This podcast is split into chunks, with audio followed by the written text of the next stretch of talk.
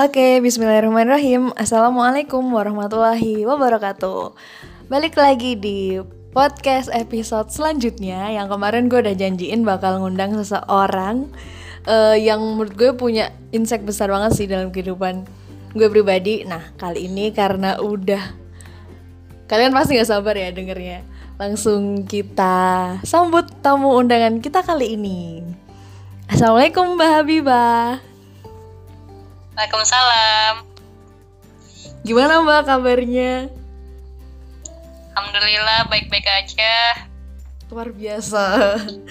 Sekarang uh, karena udah bertemu dengan sosok Mbak Habibah ini yang uh, waktu itu sebenarnya gue mau uh, apa wawancara salah satu kakak kakak tingkat bukan sih kenalan gue di salah satu komunitas tapi beliau menyarankan untuk menginterogasi Mbak Habibah karena uh, Mbak Habibah Mbak Habibah ini anak didiknya apa apa sih Mbak? Kayak anak binaan gitu ya?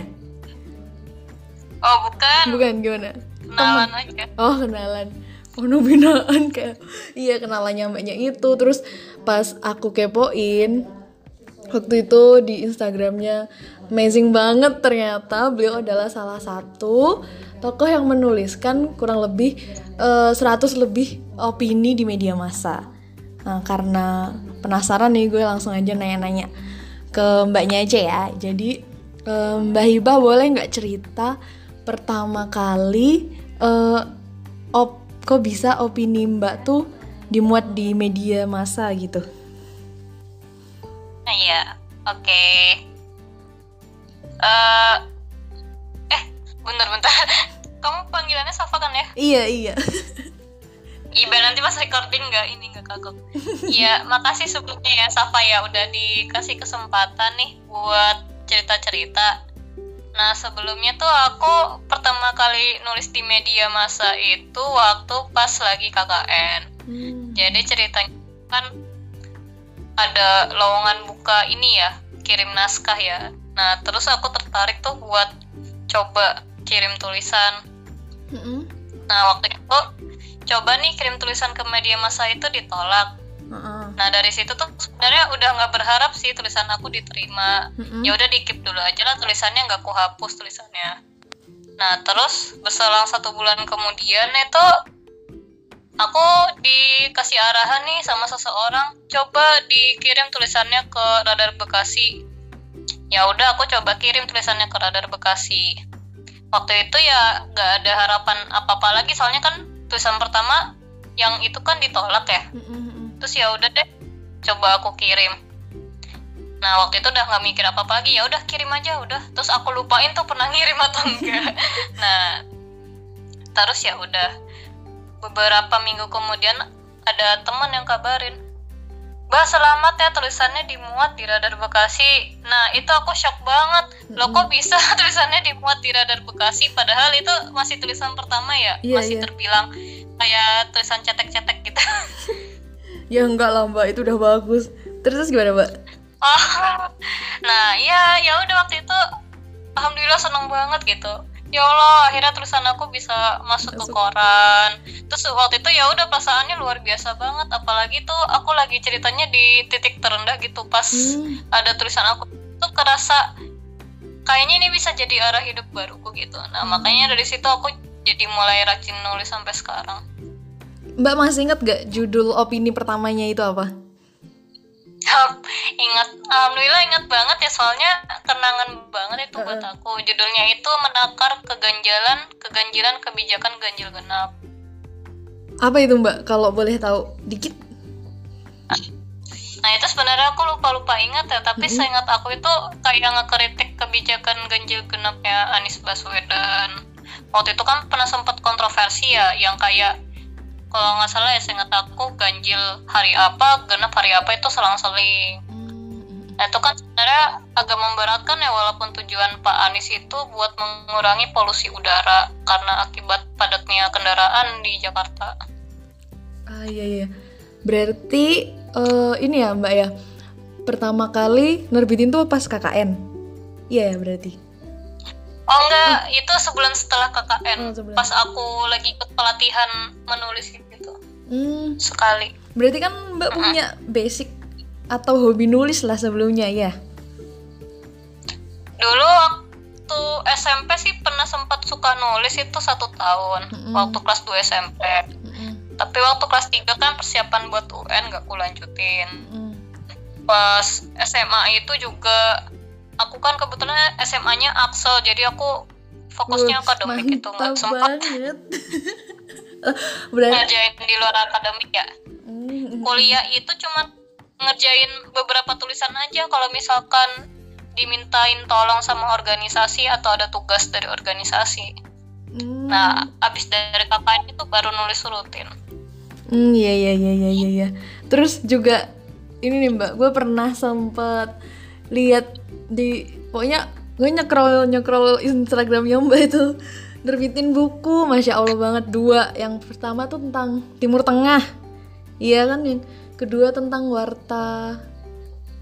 Oh, itu kebalik urutannya. Eh, iya yang pertama yang warta itu. Warta. Heeh. Iya. Yang kedua tentang Timur Tengah itu eh itu juga mulainya pas Mbak kuliah atau sebelum Mbak tuh opininya terpublish. Duluan mana Mbak? Itu sebenarnya tulisannya itu kayak kumpulan opini-opini yang dimuat di media massa. Oh. Jadi- iya. Pas lagi kuliah. Mm-mm. Habis itu dibukukan gitu ya Mbak ya. Iya, dibukukan. Tapi keren banget, hampir itu kan. Maksudnya fitnya Mbak kan penuh banget tuh sama opininya Mbak. Iya kan? Iya. Tapi jadinya berantakan ya. Tapi keren salut salut salut. Oh iya, terus Pasti. ini mbak ini mbak mau nanya juga eh, gimana biar kan kita nih kita nih kan mahasiswa otomatis udah apa punya tuntutan gitu untuk berpikir kritis nah eh, beropini kan termasuk ke dalam situ ya mbak ya Eh, menurut mbak sebagai yang udah expert di bidang ini sampai diterbitkan di media massa itu bagaimana mbak cara kita mengkritisi terus kita sampaikan kita apa ya kayak kita eh, tuliskan ulang dengan bentuk opini tuh seperti apa mbak? Iya. Eh, sebelumnya masalah opini itu aku juga masih belajar ya. Jadi belum bisa dibilang expert-expert banget. Dan kalau misalkan soal kritis itu aku yakin semua orang itu punya daya kritisnya masing-masing. Tapi ketika kita banyak membaca buku, artikel, jurnal, atau bahan-bahan tulisan lainnya, itu ketika kita menulis itu otomatis udah tersampaikan gagasan kita ya. Nah, semakin banyak kita membaca dan menulis, nanti semakin banyak juga itu mem- semakin banyak informasi yang akan terolah di otak kita. Nah, nanti setelah itu kita bakal mulai terlatih nih.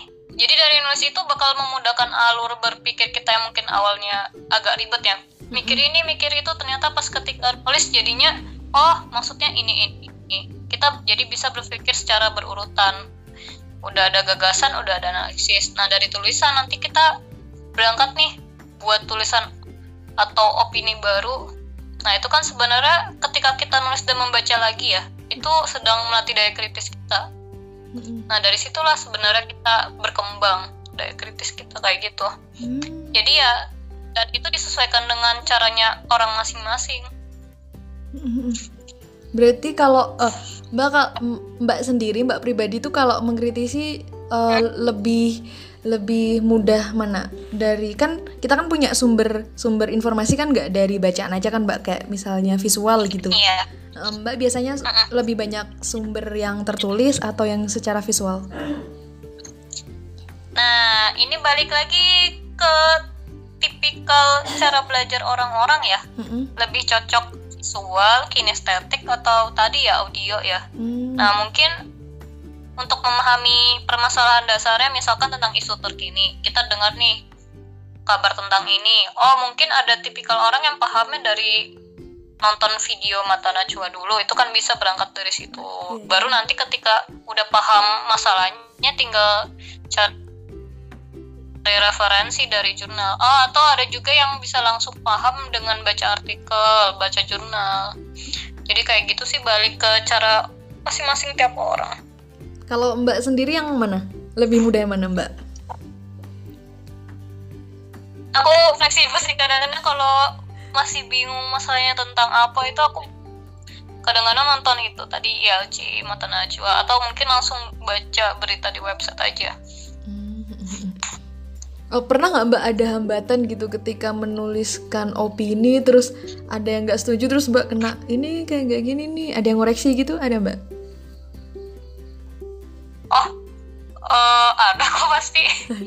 Ada yang mengkritisi sampai oh, oh, oh, gitu perasaan opini ku udah bener kayak gitu. oh enggak dong pasti ada yang ngekritisin cuman lewat PC sih Oh. biasanya Iya iya iya. iya. Berarti oh, ya kalau kalau nulis opini kan namanya pendapat kita ya Hmm. nggak 100% benar iya iya bener-bener. Terus Mm-mm. juga ber- eh Mbak ini eh aktif organisasi kampus juga nggak Mbak? Kayak pernah lihat deh di Instagramnya itu pengurus apa Mbak itu? Oh iya dulu sih pernah di eh pernah di BEM Oh ya BEM. tapi Mantap. udah nggak lagi soalnya kan udah tahun terakhir Oh, iya iya, iya. BEM terus Mbak apa lagi? tapi bukan pengurus Eh ya paling kalau yang in- intra kampus cuman BEM aja tapi bu- aku nggak jadi pengurus Selain itu Mbak ada komunitas lain di luar kampus? Eh, paling HMI himpunan mahasiswa Islam Kalau di UNY itu kayak apa ya? Ada ya? Gerakan ekstra kampus Oh. kayak kami Oh iya iya. Ada kan iya. kami ya? Ada ada kami kami di UNY. Oh iya sip sip. Oh iya ya udah. Terus satu deh Mbak terakhir terakhir terakhir. Eh, Mbak ada tips nggak buat kami nih kami para ya maksudnya para mahasiswa juga sama sih ya Mbak ya. Cuman eh, kalau kita lihat-lihat tuh semakin ke sini kayak tingkat kekritisan kita tuh kayak ber menurun gitu loh Mbak. Jadi eh, apa ya? eh kan aku kebetulan ini juga wawancara calon panitia eh, kayak ospek gitu kan mbak. Terus Mm-mm. tak tanyain kok jawabannya tuh kurang memuaskan gitu loh kurang memuaskan. Terus eh sebenarnya nggak bisa ngejudge juga kan mungkin dia grogi ketika diwawancara atau bagaimana. Cuman harusnya memposisikan sebagai mahasiswa kan berargumen dengan baik ya dengan baik gitu. Terus eh, dari mbak ada ada tips untuk kami biar eh, bisa beropini secara bijak gitu eh, beropini secara bijak. Kalau menurut aku sendiri sih ya semakin banyak membaca ya. Kan sebenarnya ketika kita membaca ya membaca itu kan dalam hal literasi ya. Literasi itu nggak terbatas buat di buku doang. Literasi itu juga bagaimana cara kita memandang permasalahan sosial ya. Kayak misalkan kita ngelihat ada masalah kayak kemiskinan itu pahamin dari berbagai perspektif gak cuma perspektif kita. Nah, kemampuan literasi itu juga termasuk di antaranya kayak itu tadi. Sama yang kedua, bagaimana caranya membahasakan pengetahuan kita yang kita udah tahu mungkin bahasanya ribet, menjelimet, jadi udah dipahamin sama orang. Hmm, iya sih, Jadi semakin bener, bener. kaya informasinya, semakin Iya. kaya informasi yang dia punya. Dia punya kemampuan literasi yang baik, maka dia akan bisa membahasakannya dengan mudah dan orang tuh tahu, oh si anak ini ternyata pengetahuannya banyak ya, ternyata bisa berargumentasi dengan baik kayak gitu. Nah makanya ketika ya ketika kasusnya seperti yang tadi Safa bilang berarti kita eh, nggak bisa langsung judge kayak langsung kayak tadi ya cuman Mhm. bisa mempertanyakan bagaimana cara dia memandang hidup bagaimana caranya dia mengolah informasi yang ada di sekitar dia jadi ya dari proses refleksi kita terhadap permasalahan kehidupan itu sebenarnya udah merupakan salah satu cara proses berpikir kritis Hmm, iya iya iya iya iya. Iya benar-benar setuju setuju setuju setuju. Ini ada lagi nggak mbak? Ada lagi nggak mbak? Saya nulisnya baru dikit nih. ya nulis gimana ya apa hubungan sama pertanyaannya Safa tak catat loh ini mbak buat insight sama- saya pribadi Oh iya, sama tadi kan sama yang aku sampaikan di awal, kalau menulis itu sebenarnya wadah aja sih, wadah berpikir kritis ya kan tadi sebenarnya intinya di kepala kita ya, Iya, cara iya, kita iya. berpikir kan. Mm-mm-mm. Nah, berbicara sama menulis itu wadah kita untuk menyampaikan gagasan kita. Menulis itu memudahkan kita untuk mengatur tadi ya eh, gagasan-gagasan yang sebenarnya udah ada di kepala mungkin tapi masih berantakan. I see, iya. Kadang ka- kalau saya kalau si aku pribadi sih ya mbak ya pernah nulis Ah, eh, bu- bukan argumen sih kayak ya biasalah nulis gitu. Cuman kalau aku kan tipenya nulisnya tuh kayak yang eh, puisi gitu loh modelannya. Jadi nggak langsung ke poin kayak gitu kan. oh iya. orang cewek ribet kayak gitu terus eh, pasti kadang tuh stuck gitu sama nggak mbak kayak beropini pernah berstuck Iya pak, stuck sama gitu? kok. Iya sama-sama. kalau nulis pasti juga stuck. Kalau nulis puisi maupun opini maupun cerpen pasti ada stucknya masing-masing. mbak paling cepet nulis opini dalam jangka berapa berapa hari Eh, dua jam paling. Hah? dua jam ya Ya, tapi em, ngumpulin datanya ya lama. iya iya kalau sehari dua hari atau enam jam paling. dua jam jam enam jam. dua jam itu satu artikel berapa ratus kata mbak suku kata biasanya Eh, 500 sampai 750 kata. Lumayan lumayan lumayan lumayan situ. Ah ya ya ya ya ya sebenarnya masih pengen banyak nanya-nanya tapi kayaknya ini udah udah cukup lumayan banyak nih di recordnya nih mbak. Atau mungkin kita bisa bahas nanti di luar eh, ini. Terus buat temen-temen yang misalnya penasaran sama profilnya Mbak Habibah ini beliau itu kuliah di di mana sih mbak di UGM Iya. sampai lupa di UGM teknik fisika Ah, ah. ya kan mbak bener kan Benar. Heeh, beliau ini teknik fisika terus sekarang lagi ngurusin apa mbak sekarang mau skripsi bukan? Skripsi magang. iya iya skripsi Tahun terakhir.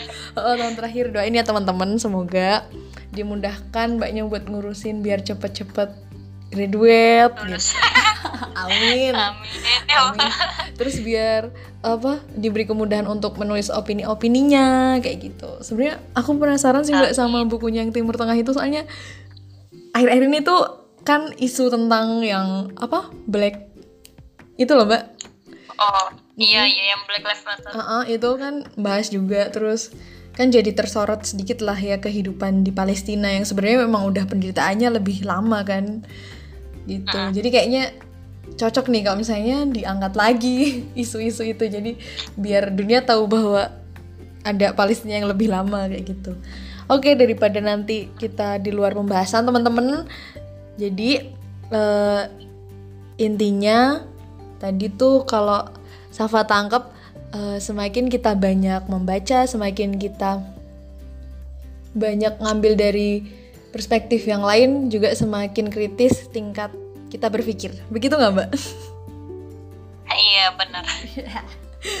Oke gitu aja terus eh, sekarang karena sudah mengganggu jadwal istirahat Mbak Habibah tak tak hantuin dengan ber- dengan chat-chat lewat WA ya. Oh, enggak.